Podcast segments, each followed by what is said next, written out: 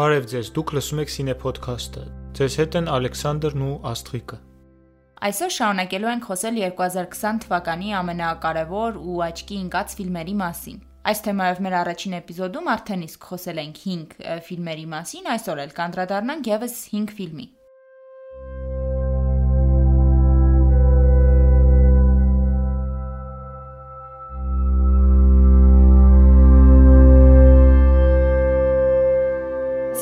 Never Rarely Sometimes Always,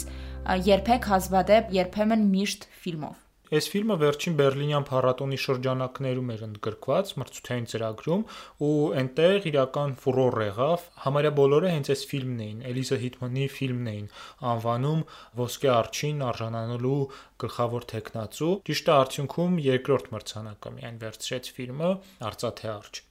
Ըստ սյուժեի Օթեմ անունով մի դեռահաս աղջիկ հղիանում է ու ցանկանում է ընդհատել հղիությունը։ Եվ բնականաբար բազմաթիվ դժվարություններ է հանդիպում։ Նա օրինակ ապրում է Պենսիլվանիա նահանգում, ուր ուղղակի դա հնարավոր չի անել առանց ծնողների թույլտվության։ Սա իհարկե շատ ակտուալ ֆիլմ է, միշտ ընդհանրապես եւ մանավանդ հիմա, երբ ֆեմինիստական օրակարգը ու կանանց իրավունքների բարձրաձայնումը արվեստում կենտրոնական դեր են կատարում։ Ոնց արդեն նշեցիր, քանի որ գլխավոր հերոսուհին ապրում է Փենսիլվանիա նահանգում ու այնտեղ չի կարող առանց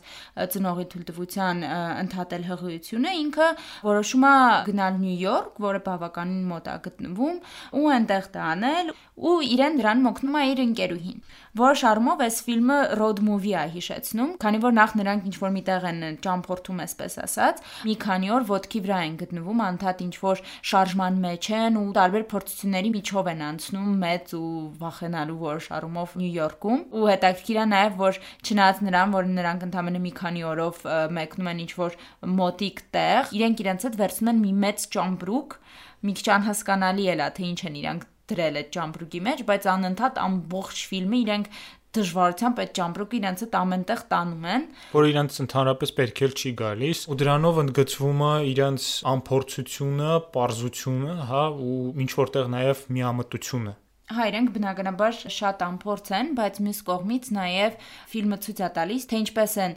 ամփորձ ու դեռևս տարիքով փոքր աղջիկները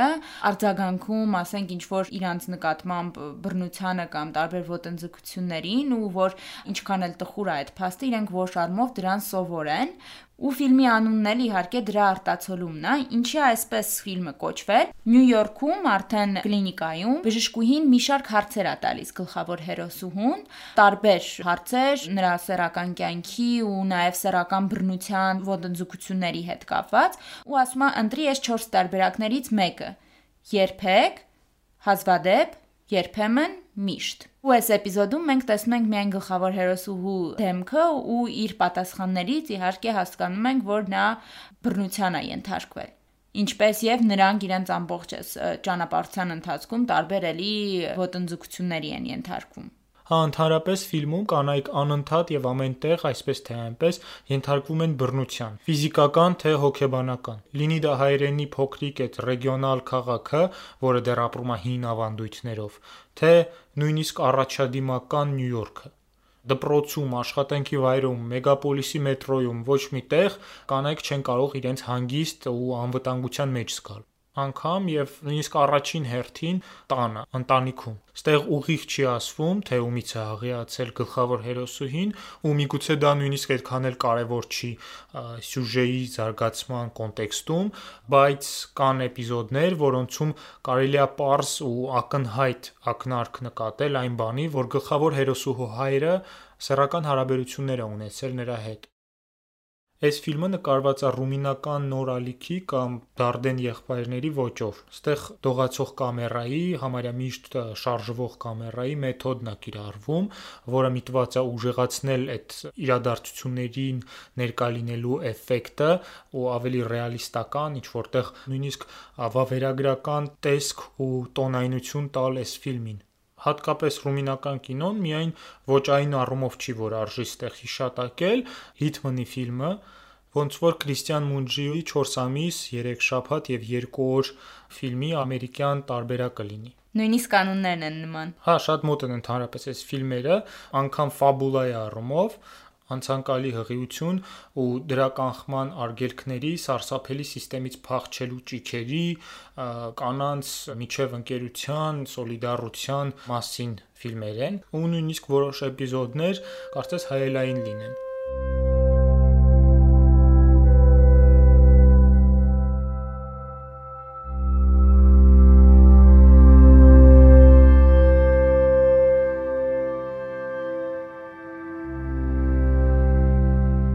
Սա միանշանակ հաջողված ու շատ կարևոր ֆիլմ է, բայց չնայած թեմայի ակտուալությանը, կոնկրետ իմ համար ֆիլմը մի քիչ երկրորդական թվաց, այնպես որ այդքան էլ ես չեմ հասկանում դրա այս տոտալ հաջողությունը, օրինակ այն, որ Rotten Tomatoes կայքում 99% դրական ռեցենզիներ է հավաքել ֆիլմը, վերջ վերջո ֆորմալ առումով այն բաղկացած է հեղինակային կինոյում շատ լայն տարածում ունեցող կլիշեներից։ Գերագնահատվածության պահով ես էլ եմ համաձայն։ Ֆիլմում մի քանի բան կա, որ ինձ անձամբ դուրս չի գալիս։ Ես կարծում եմ, որ չափազանց շատ էր այդ ամեն ինչը, ինչ դու նկարագրեցիր, այդ բոլոր դժվարությունները, որոնց իրենք հանդիպում են։ Ես չեմ ասում, որ դա իրականությանը մոտ չի կամ դա չի կարող լինել։ Իհարկե կարող է լինել, նույնիսկ այդքան կարճ ժամանակահատվածում, այսինքն 2 օրում, այն ամենը ինչ եղավ իրանց հետ, շատ հանգիստ կար լիներ ցանկացած կնոջ հետ։ Դա չեմ ասում, բայց կոնկրետ այս ֆիլմի ոճի մեջ ինձ թվում է դրա կարիքը ուղակի չկար։ Այսինքն այս ոճը, այս շարժվող կամերան ու ներկայության այս տպավորությունը չէր պահանջում այդքան խտություն, հա, այդ բաների։ Ինձ թվում է, հա, երբեմն դիտելի զգացողություն էր իմ մոտ առաջանում, որ էկրանից սենց գոռում են, ճչում են տարբեր ինչ-որ խնդիրների մասին, ու իհարկե ֆիլմը կարա այդպեսին էլ լինի ու շատ լավը լինի, հարցը դա չի, բայց կոնկրետ այս ոճը, որը ընտրել է ռեժիսորը Տավլի Դարդենյան, մի քիչ դանդաղ, հերոսին անընդհատ հետևող, իր հետ ոնց որ այդ ամեն ինչը վերապրող ոճում, ինձ թվում է այսքան շատ պետք չէր։ Օրինակ այն էպիզոդը, որի մասին ես նշեցի, հիվանդանոցում եղած էպիզոդը, ինձ թվում է լրիվ բավական էր այդ ամբողջ մղձավանջը փոխանցելու համար նախ շատ լավ է ստացվել այդ հատվածը ֆիլմի ու իհարկե նաև հաշվի առնելով որ այդ հարցի պատասխանները ֆիլմի անվանման մեջ են ինձ թվում է այդ համադրությունը շատ հանգիստ փոխանցում էր այդ ամենը Հա, ֆիլմում օրինակ էպիզոդներ կան, որոնք իրանց նկարված ձևի պատճառով արհեստականություն են ինչ որ ավելացնում կարծես ուրիշ ֆիլմից, ուրիշ ոճից են վերցված ու կարծես այլ տիպի կինոյի կլիշեներն են օգտագործված նույնիսկ։ Հա, չեն համապատասխանում երիթե էս ռեալիստական պատկերմանը։ Օրինակ ես մի էպիզոդ հիշեցի այդպիսի, երբ գլխավոր հերոսու ընկերուհին ստիպած համբուրվել մի տղայի հետ, որ เป զի նա իրենց գումար տա ավտոբուսի տոմս գնելու համար, ու այդ համբույրի տեսարանում գլխավոր հերոսուհին գալիս է ու թակուն, այնպես որ այդ տղան չի նկատում, բռնում է ընկերուհու ձեռքը, ինչ որ աջակցություն, հա, նրան փոխանցելով։ Չիտեմ, ինձ մի քիչ իրոք արհեստական այդ պահը թվաց։ Ոնց որ Կիմ Կիդուկի Կուստոյ դոմից ինչ որ էպիզոդ լիներ, որ այստեղ ընդհանրապես տեղին չէր իրոք տեղին չէր ու իհարկե դա փորձ էր ցույց տալու նրանց միջև այդ քույրությունը, սոլիդարությունը, բայց իմ կարծիքով հենց այդ սոլիդարության գիծը ֆիլմի հաջողված կողմերից մեկն է ու առանց այս էպիզոդի էլ շատ լավ մատուցված էր։ Ու հետաքրքիր է, որ այդ երկու աղջիկները շատ տարբեր արտաքին ունեն։ Գլխավոր հերոսու ընկերուհին շատ կարծրատիպային, ինչ որ ամերիկյան դպրոցական արտաքին ունի, գեղեցիկ աղջկա, բայց դա ոչ մի առումով չի խանգարում իրենց միջև սոլիդարությանը ու նաև այդ ընկերուհուն անձնավորելու հարցում մեզ չի խանգարում։ Ինքը սովորական մարդ է, իսկ հաճախ բնականաբար ֆիլմերում այդպիսի արտակինով մարդիկ իրանք շատ ֆասադային են, այսինքն դժվար է իրանց հետ ինչ որ էմոցիոնալ կապ հաստատել, բայց այստեղ այդ խնդիրը չկա ընդհանրապես ու ինձ դա դուր է գալիս շատ։ Արդյունքում ամփոփելով կարելի է ասել, որ չնայած ինչ որտեղ ոճային անկայունությանը ու կլիշեների արկայությանը, սա շատ կարևոր ֆիլմ է քաղաքական համատեքստում։ Ու դե գեղարվեստական առումով էլ դրական հատկանիշները երևի ամեն դեպքում գերակշռում են։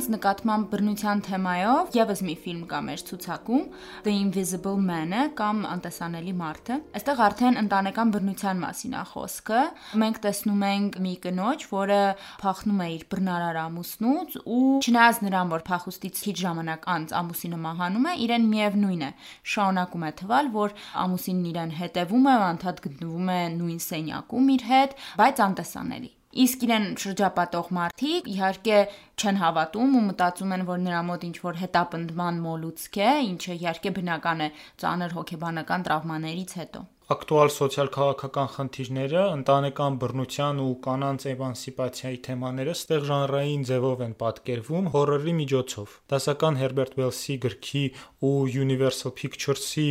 30-40-ականների ֆիլմերի անտեսանելի մարդու կոնցեպտը հայտնվում է ժամանակակից բարձր տեխնոլոգիաների աշխարհում։ Ընդհանրապես սա ժանրային կինոյում ամենահետաքրքիր փորձերից մեկն է այս տարվա ու դա պատահական չի, որովհետև ֆիլմի ռեժիսորը Լի Ուոնելն է,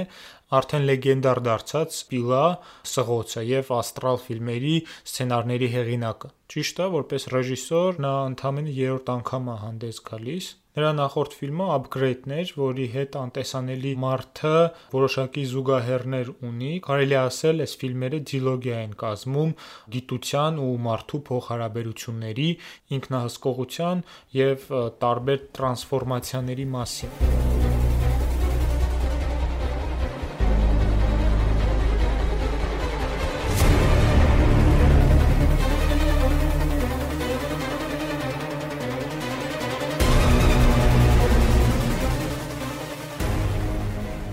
Այս ֆիլմում ոճային առումով ինչ որ բան կա 90-ականների լավագույն թրիլերներից, մթնոլորտի, գունային որոշումների ու անգամ պանորամային մեծ տեսարանների առումով։ Սասպենսը ստեղ առաջանում է ընդամենը դատարկ տարածքների պատկերմամբ, ինչը իհարկե տրամաբանական է, երբ գլխավոր հակահերոսը անտեսանելի է։ Հա, այդ բավականին տարածված հնարք է, չէ՞, ինչ որ հորրոր ֆիլմերում։ Դե հա, բայց դա էլ է պետք կարողանալ այնպես անել, որ իրոք անհանգստություն ու վախի մտնոլորտ փոխանցվի ու այդ առումով Վոնելին իմիջիալոց կարելի է բավականին փորձառու համարել, որովհետև նրա ռեժիսորի կարգավիճակում դեբյուտը եղել է ուրվականների մասին ֆիլմ Աստրալի երրորդ մասը։ Այսինքն այնտեղ էլի դատարկ, բայց սարսափ առաջացնող կադրեր էին պարունակվում։ Այդ դատարկ տարածքները կադրի մեջ իրոք բավականին անհանգիստ վիճակում են պահում հանդիսատեսին, ու այդ նպաստում է մի հետաքրքիր էֆեկտի ձևավորմանը, որ մենք կողքից չենք նայում իրադարձություններին, այլ հնարավորինս ասիմիլացվում ենք հենց գլխավոր հերոսուհու հետ ու սկսում ենք մեր վրա զգալ այդ անտեսանելի հայացքը, այսինքն դիտարկողի դերից տեղափոխվում ենք դիտարկվողի դեր ու իհարկե հորրորային կոնտեքստում դա էլ ավելի մեծ միգուցե ոչ անհանգստություն, բայց անհարմարություն, անհարմարության զգացում է ստեղծում։ Ու նաև դրա միջոցով մենք էլ ենք արդեն սկսում գլխավոր հերոսու հետ կասկածել։ Արդյոք իրական է այս ամեն ինչը, արդյոք կա այդ մարդը, մահացել է թե չէ, արդյոք մեզ աթվում այդ ամեն ինչը ինչ որ ցնորման տարեր են թե չէ, ու մենք էլ ենք սկսում իրոք կասկածել հա վերջին անգամ սենց զգացողություն մոտս առաջացել էր Դեվիդ Ռոբերտ Միչելի It Follows այն հետևում է ֆիլմից որի կոնցեպտը որոշակի նմանություններ ունի անտեսանելի մարդը ֆիլմի հետ ու մի բան էլ որ այդ զգացողությունը ուժեղացնում է հենց ֆիլմի սկզբնամասն է չկա ոչ մի նախապատմություն մենք միանգամից հայտնվում ենք այդ փախուստի տեսարանի մեջ, այսինքն մեզ միանգամից գցում են գլխավոր հերոսուհու իրականություն, որ մենք հնարավորինս ուժեղ զգանք դա մեր վրա։ Մեկ էլ ֆիլմում գլխավոր դերակատար Էլիզաբեթ Մոսը իրեն շատ հատուկ դեր է ստեղ ստանձներ խելագարվածության սահմանին գտնվող կնոջ։ Հիմնականում իր խաղը ինձ օրինակ այդքան էլ դուր չի գալիս, բայց ստեղ երևի կարողացավ այնպիսի էմոցիաներ հաղորդել իր կերպարի միջոցով, որոնք առաջ իր ֆիլմերում իր մոտ ես չեմ նկատել։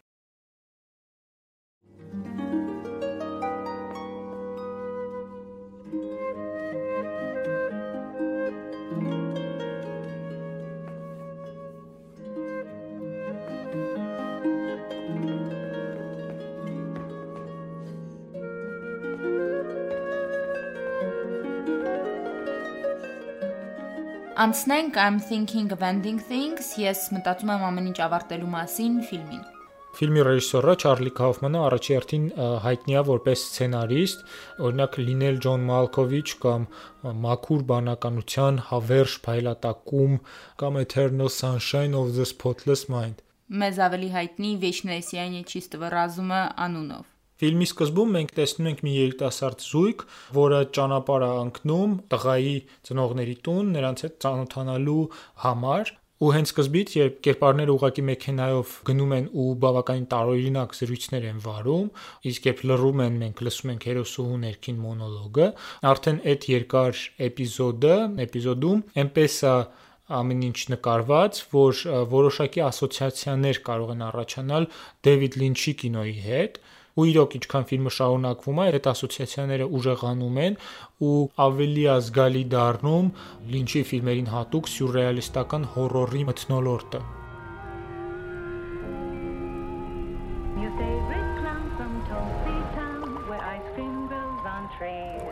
So have no fear, come and join me here and eat as much as you please. I will turn your frown fully upside vanilla chocolate strawberry. Այստեղ մի փոքր սփոյլեր պետք է անել, որովհետև ուզում եմ խոսել ֆիլմի ամենահետաքրքիր հնարքի մասին։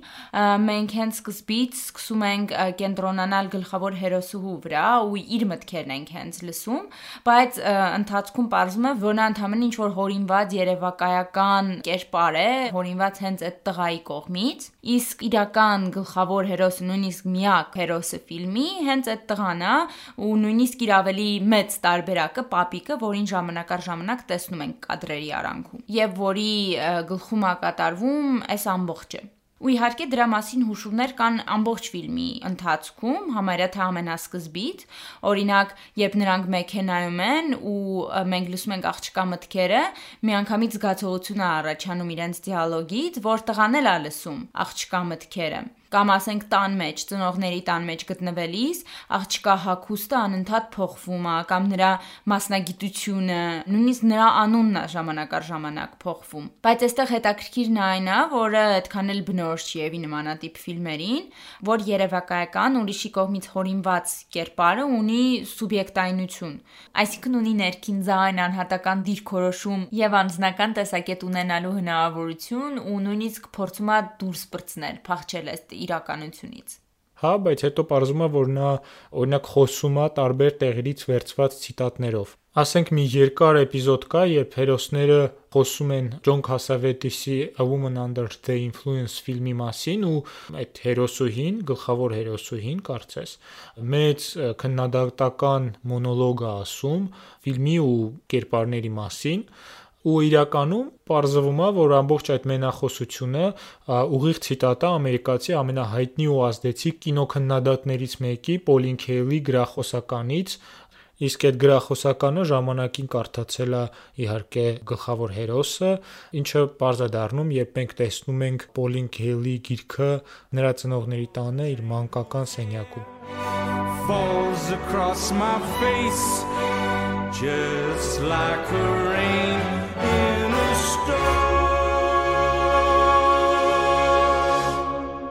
Առաջի հատվածը իմ կարծիքով ֆիլմի ամենից հաջողված մասն է, երբ դեռ այդքան էլ լավ չես ամեն ինչ հասկանում ու դեռ փորձում ես գուշակել ինչ է տեղի ունենում։ Այդ հատվածը իրոք շատ կլանող է ստացվել, բայց ամեն հաջորդ էպիզոդի հետ, որքան ավելի սյուրռեալիստական է դառնում էկրանին կատարվողը, այդքան ավելի པարզ է դառնում ֆիլմի կոնցեպտը։ Իսկ ֆիլմի եզրափակիչ մասում ինձ թվում է Կաուֆմանին վերջնականապես լքում է չափի զգացողությունը։ Հա, իրոք նենց տպավորություն է, որ ֆիլմի վերջին հատկապես հատվածում ինչ հնարավոր էր կամ ինչ մտքին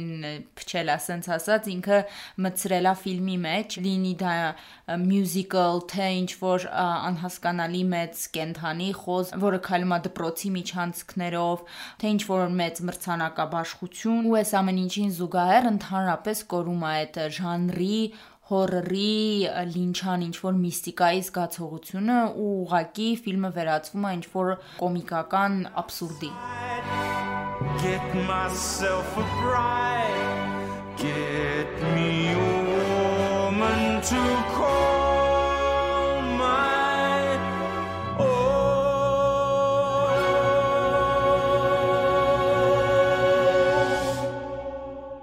Եթե փորձենք մի քանի բառով ֆիլմը ամփոփել, կարելի ասել, որ այստեղ կան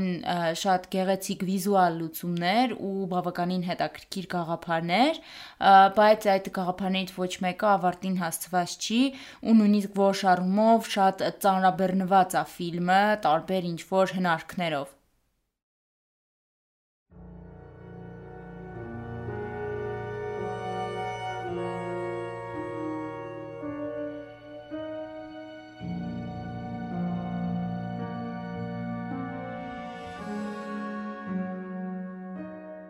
Անցնենք մի ֆիլմի, որը մեծ հավակնություն ունի այս տարվա Օսկարի գլխավոր մրցանակին արժանանալու՝ Դեվիդ Ֆինչերի Mank ֆիլմը։ Այս ֆիլմը պատմում է ամերիկյան հոլիվուդյան կինոյի կուլտային նմուշներից մեկի Citizen Kane-ի կամ Քաղաքացի Kane-ի սցենարի ստեղծման մասին ու հենց սցենարիստի Հերման Մանկևիչի կամ Մենկովիցի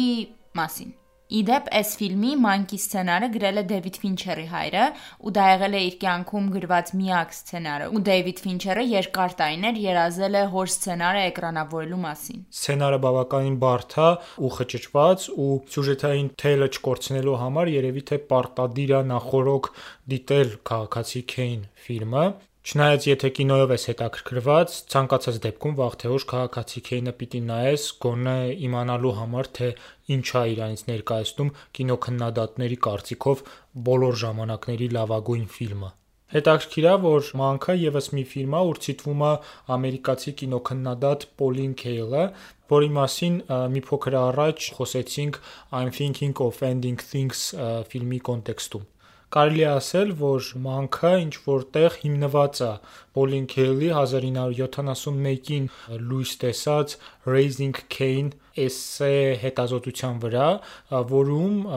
Քեյլը եզրակացության էր գալիս, որ սցենարիստ Հերման Մանկևիչին պետք է համարել քաղաքացի Քեյն ֆիլմի հավասարազոր հեղինակ ու որ նույնիսկ ավելի շուտ հենց նա է պատասխանատու ֆիլմի ստեղծման համար, ոչ թե Orson Welles-ը։ Այդ էսսեն ու այնտեղ օգտագործվող փաստարկները բավականին կասկածելի են ու ամենակիչը որոշ չափով իրականությանը չեն համապատասխանում։ Նաև հերկվել են, չէ, հետագայում մի մասը։ Հա, բայց դա չխանգարեց Ֆինչերին այդ տեսությունը որպես հիմք վերցնել այս ֆիլմում։ Անձամբ ես օրինակ համարում եմ, որ նույնիսկ եթե ենթադրենք, որ Քեյնի սցենարը իրոք առաջի հերթին Մանկևիչինն է, Միևնույնն է, ֆիլմի գլխավոր արժանինքները վիզուալ դաշտում են գտնվում։ Իրոնիակա այն փաստի մեջ, որ երևի թե Ֆինչերն էլ է այդպես մտածում, ենթագիտակցաբար միգուցե, որովհետև իր ֆիլմը Mank-ը ինքը ստեղծել է վիզուալ առումով քաղաքացի Քեյնի ոճի մեջ, ռեժիսորական ոճով։ Օրինակ մենք այստեղ էլ ենք տեսնում նույն լույսի ու ստվերի խաղերը, ասենք նեղանցքերի կամ լուսամուտների միջով ընկնող լույսը, կամ ներքևից վերցված ռակուրսները,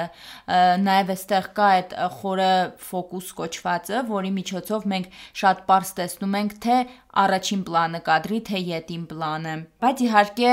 սցենարից էլ որոշ բաներ վերցված են, օրինակ Citizen Kane-ի նման մանկում էլ պատմությունը մասնատված է ու ֆլեշբեքների, հիշողությունների միջոցով է մեզ փոխանցվում։ Ինչն էլ իհարկե այդ խճճվածությանն է հանգեցնում։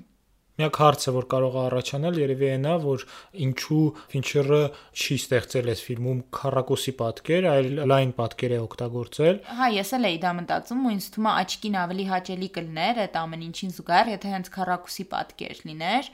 միգուցե ավելի բնական թվար։ Բայց դե Ֆինչերը իրենից էլ է որ բաներ իհարկե ավելացրել, օրինակ վիզուալ էֆեկտները այստեղ հակին օգտագործել, նաև այդ իր ֆիլմերին բնորոշ կամերայի շարժն է այստեղ օգտագործել, երբ տեսախցիկը կրկնօրինակում է հերոսի գործողությունը, շարժումը, այսինքն հերոսին հավասար շարժվում է։ Ու այս ամեն ինչի զատ Ֆինչերի մոտ նաև շատ լավ է ստացվել ժամանակաշրջանը վերարտադրել տարբեր մանրունքներով, հագուստներով, խոսելաձևով եւ այլն։ Ֆինչերը նաև փորձել է հնարավորինս վերարտադրել 40-ականների ֆիլմերին բնորոշ տարբեր ինչ-որ տարրեր, օրինակ երաժշտությունը կամ ընդհանուր ձայնը այնպես է արված, որ մենք լսում ենք արձագանք, ինչը շատ բնորոշ է այդ ժամանակի ֆիլմերին։ Այդ առումով հատկապես տեղին ու աութենտիկ է թվում Դեվիդ Ֆինչերի ֆիլմերի արդեն մշտական դարձած կոմպոզիտորների Տրենտ Ռեզնորի եւ Ատիկոս Ռոսի կողմից գրված սաունդթրեքը։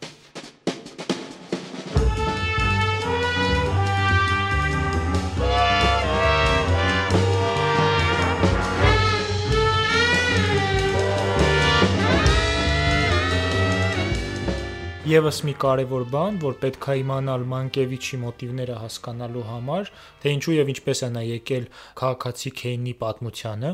դա 30-ականներին Ամերիկայում ստեղծված ներքաղաքական իրավիճակն է, ավելի կոնկրետ 1934 թվականի Կալիֆոռնիայի նահանգապետի ընտրությունները, որոնցում ծանր պարտություն տարավ գրող ու սոցիալիստ քաղաքական գործիչ Էփթոն Սինքլերը։ Կարելի ասել, որ Ֆինչերը հենց այդ դրվագն է դարձնում անկյունակարային սյուժեի համար, ցույց տալով, թե ինչն է դրթել Մանկևիչին սկսել իր յուրօրինակ պայքարը հոլիվուդյան վերնախավի դեմ ու ստեղծել քաղաքացի Քեյնի կերպարը։ Էփթոն Սինքլերը հիմա առաջի հերթին որպես գրող է հայտնի, նա օրինակ գրել է Naft վեպը, որի հիման վրա 2007-ին Փոլ Թոմաս Անդերսոնը նկարեց There Will Be Blood արդեն դասական դարձած Օսկարակիր ֆիլմը։ Սինկլերը նաև լրագրող էր, բացահայտում էր իրավապահ մարմիններում ու պետական բարձր մակարդակի վրա գործող կոռուպցիան։ Բացի այդ, նաև, ինչպես արդեն ասեցի, զբաղվում էր քաղաքականությամբ, փորձում էր կազմակերպել կոոպերատիվներ, կոլեկտիվ տնտեսություններ, կոչ էր անում աշխատավորներին, բանվորներին ազատվել կորպորացիաների էքսպլուատացիոն համակարգից։ Ու երբ Սինքլերը 1934 թվականին մասնակցում էր Կալիֆոռնիայի նահանգապետի ընտրություններին, նրա դեմ հանդես եկավ ամբողջ Հոլիվուդը։ Ճիշտ է, որոշ ցախական հայացքների տեր հոլիվուդյան ռեժիսորներ ու սցենարիստներ, նույն Մանկևիչը, ցանկանում էին Սինկլերին հաղթանակ, բայց իհարկե չէին կարող բարձրաձայն հայտարարել դրա մասին, քանի որ միանգամից կկորցնեին ֆինանսավորումը ու կհեռացվեին Հոլիվուդից։ Հոլիվուդում այդ ժամանակ կազմակերպեցին իսկական ռոպագանդա Սինքլերի դեմ։ Նկարվում ու կինոթատրոններում ցուցադրվում էին կեղծ նորություններ, կեղծ տեսանյութեր ու ինտերվյուներ, որոնց միակ նպատակը Սինքլերին սևացնելն էր ու նրան ընտրություններում հաղթելու շանս չտալը։ Իսկ այդ տեսանյութերի ֆինանսավորմամբ զբաղվում էր մագնատ Ուիլյամ Հյորսթը, որը եւ դարձավ քաղաքացի Չարլզ Ֆոստեր Քեյնի նախատիպը։ Ու հենց այստեղ է երևի թաքնված Մանկ ֆիլմի ակտուալությունը։ Հիմա ԱՄՆ-ում նոր թափ է հավաքում դեմոկրատ սոցիալիստների շարժումը, որի հիմնադիրներից էր հենց Էփթոն Սինքլերը։ Բացի այդ, այսօր ավելի քան երբևէ զարգացել է massայական fake նորությունների ինստիտուտը։ Իսկ ֆիլմում մենք տեսնում ենք, թե որտեղից է այն սկիզբ առնում եւ ովքեր են դրա նախահայրերը։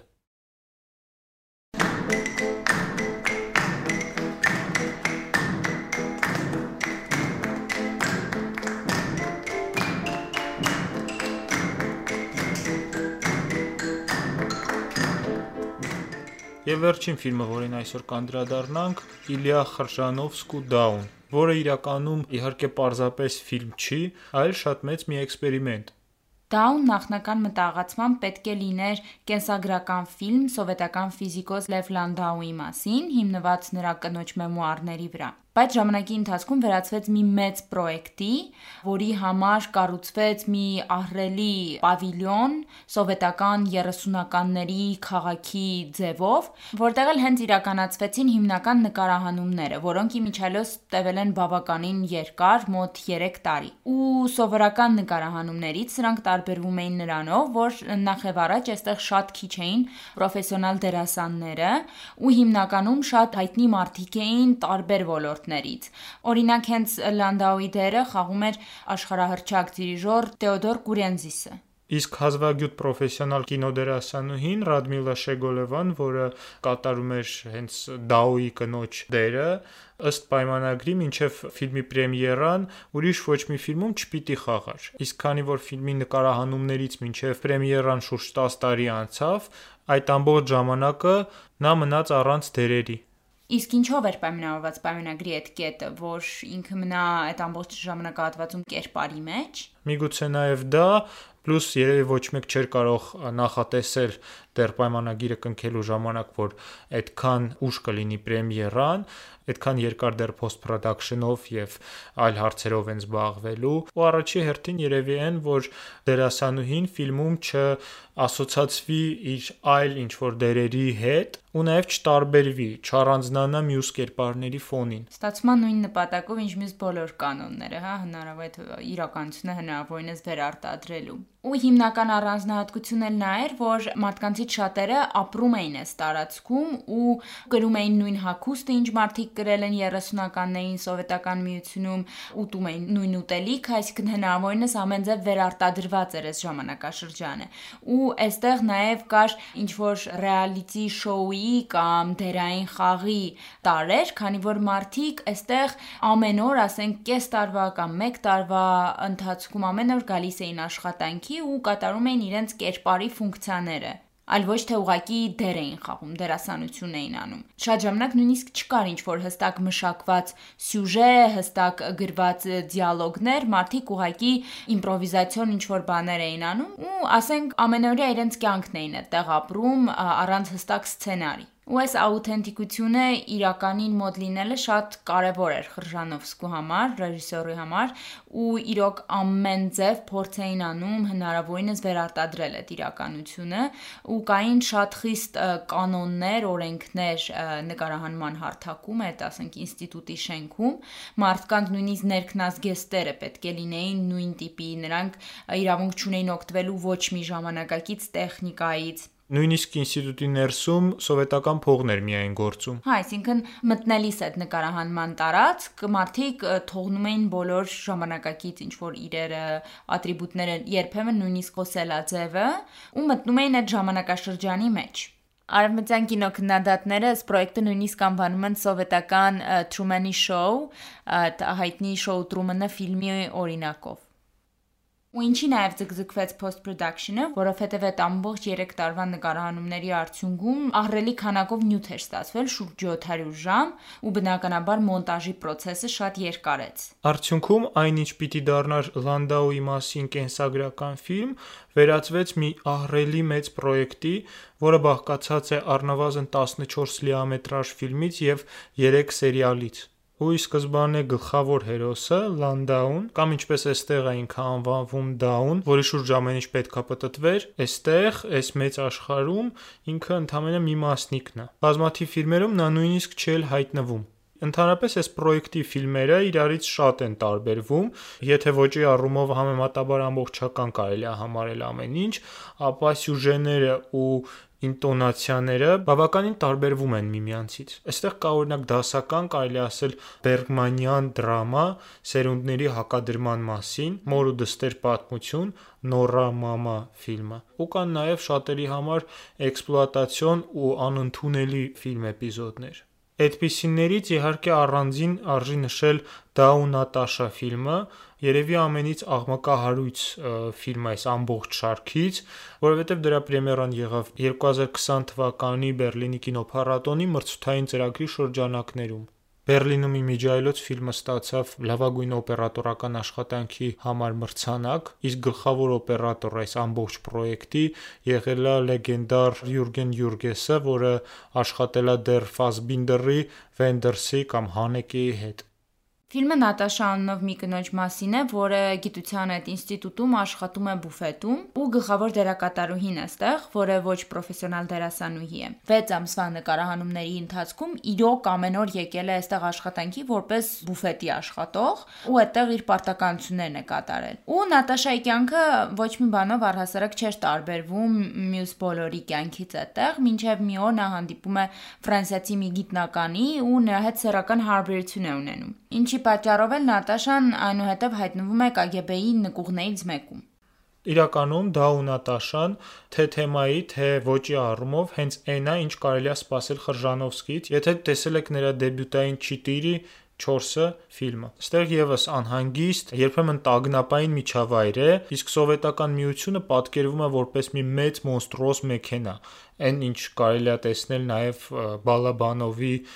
Գերմանի կամ Լոզնիցայի ֆիլմերում։ Միայն թե Դաոյում, մասնավորապես Նատաշայում, մի քիչ ավելի կոնկրետ է ամեն ինչ վերացական բան այդքան էլ շատ չկա։ Ինչ տեղի է ունենում, կատարվում է կոնկրետ իրական մարդկանց հետ։ Ի տարբերություն օրինակ ընդհանրացումներին, որոնք կան Բալաբանովի Գրուզ 200-ում։ Ֆիլմում շատ բան թվում է իմպրովիզացված ու խոսակցություններն էլ կարծես ֆիլտրված չլինեն։ Դա երևի այն պատճառով է, որ ֆիլմը ստեղծվել է մոնտաժի միջոցով, քանի որ չի եղել նախապես գրված հստակ սցենար, միայն մոնտաժի ընթացքում է երևացել այս ընդհանուր պատմությունը հերոսների միջև ու ստեղծվել է ֆիլմը այնպիսին, ինչպիսին մենք այն տեսնում ենք։ Իմիջիալոց Խրժանովսկին այստեղ ֆիլմի համահեղինակ է համարվում, համառեժիսոր, իսկ մյուս ռեժիսորը դիմահարդարման պատասխանատու Եկատերինա Էրտելն է, որն էլ հենց մոնտաժի ընթացքում հայտնաբերել է այս պատմությունը։ Хочу исполнить просто э, лирическую пьесу, импровиза- импровизацию такую, если, если, если интересно. Вот, попробую на фортепиано.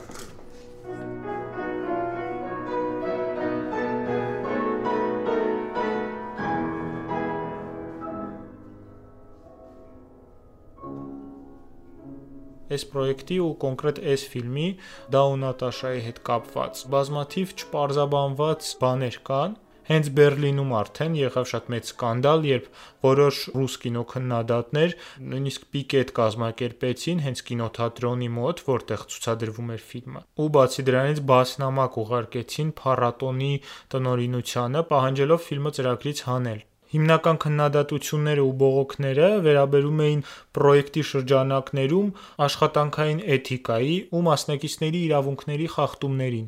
Խրժանովսկուն մեղադրում էին, որ նկարահանումների ընթացքում կիրառվել է հոգեբանական, ֆիզիկական ու սեռական բռնություն։ Հերթական անգամ բարձրացվում է այն հարցը, թե որտեղ է անցնում արվեստում թույլատրելիի սահմանը։ Եթե խոսում ենք արվեստում թույլատրելի սահմանի մասին, ինձ թվում է կոնկրետ դաուում խնդիրը համաձայնության մակարդակի վրա է։ Այսինքն այստեղ մենք չենք տեսնում ինչ որ բեմադրված բռնություն, բեմադրված դաժան տեսարաններ եւ այլն։ Շատ դժվար է տարբերակել, թե ինչն է այստեղ իրական, ինչն է իրոք կատարվել, ինչն է բեմադրվել։ Ու քանի որ նորից չկար այդ դուբլ 1, դուբլ 2 ձևով նկարահանումները, այլ մարդիկ ապրում էին այդ դերերում, ապրում էին այդ միջավայրում ամիսներով, թե ինչին են կոնկրետ իրենք համաձայնություն տվել, ինչ-ինչ է, իրոք շատ դժվար է ֆիլմը նայելիս հասկանալ։ Ու ինչով էր այս ամեն ինչը բացատրվում կոնկրետ ռեժիսորի կողմից, որ նա ցանկանում էր, որ պրոյեկտի մասնակիցները անցնեն այն բոլոր դժվարությունների ու փորձությունների միջով, որոնց միջով կարող էր անցնել այդ ժամանակաշրջանի սովետական մարդը ու հնարավորինս ճիշտ ու աուտենտիկ ձևով դա մեզ փոխանցել ու շատերը սա իմիջայլոց անվանում են դոկումենտալ պրոյեկտ, դոկումենտալ ֆիլմ, սովորական ժամանակակից մարդուց սովետական մարդ, սովետական դվորնիկ, ինժեներ, բուֆետչիցա, միլիցիաներ եւ այլ մասնագիտության տեր մարդկանց վերածելու, վերափոխելու process-ի մասին ու շատերը նաև ֆիլմի դուրս գալուց հետո կամ ընթացքում խոսել են նկարահանումների ժամանակ իրենց նկատմամբ հոգեբանական ճնշումների մասին ու նաև տարբեր մանիպուլյացիաների, թե ոնց էին մարդկանց մանիպուլացնում, որ เป զի բացահայտեն մարդու միջի ամենա, չգիտեմ, դաժանն ու զզվելին ու նաև որոշ առումով դրթում էին միմյանց նկատմամբ վատ վերաբերմունք դրսևորել ու քանի որ դերասանները շատ ժամանակ գտնում էին ալկոհոլի ազդեցության տակ, առավել եւս շատ դժվար է իրոք հասկանալ, թե կոնկրետ ինչին են նրանք համաձայնություն տվել, ինչին չէ։ Բայց իհարկե մյուս կողմից էլ չեն եղել ինչ որ պահանջներ պրոյեկտի մասնակիցների կողմից, ասենք պատրաստի ֆիլմերը ոչ հասանելի դարձնելու, չցուցադրելու կամ շատ հստակ, ասենք պատմություններ կոնկրետ բռնության, բայց դա էլի է թե բավական չի համարելու, որ այստեղ աշխատանքային էթիկան չի խախտվել կամ մարդկանց իրավունքները չեն խախտվել։ Ու իրականում իմանալով այս ամենը շատ դժվար է պրոյեկտին վերաբերվել զուտ որպես արվեստի գործ կամ ֆիլմերի շարք։ Մի խոսքով շատ բարդ թեմա է ու իրականում դժվար է ինչ որ կոնկրետ եզրահանգումների գալ բայց իմ կարծիքով երբ ուզում ես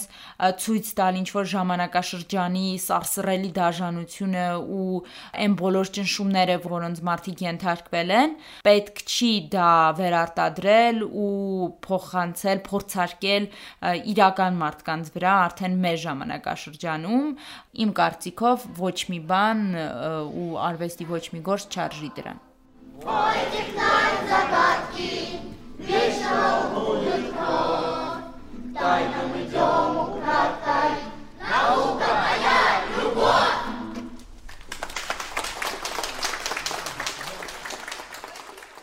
Սրանք էին այն ֆիլմերը, որոնց մասին ուզում էինք խոսել ոդքասթի շրջանակներում։ Բայց դա իհարկե չի նշանակում, որ չկան ուշադրության արժանի շատ այլ ֆիլմեր։ Ու հենց դրա համար մենք մեր բլոգում ու Facebook-յան էջում որպես հավելում առանձին կհրապարակենք տարվա մեր ամենասիրելի ֆիլմերի ցանկը։ Սպասեք մեր նոր էպիզոդներին։ Здравствуйте.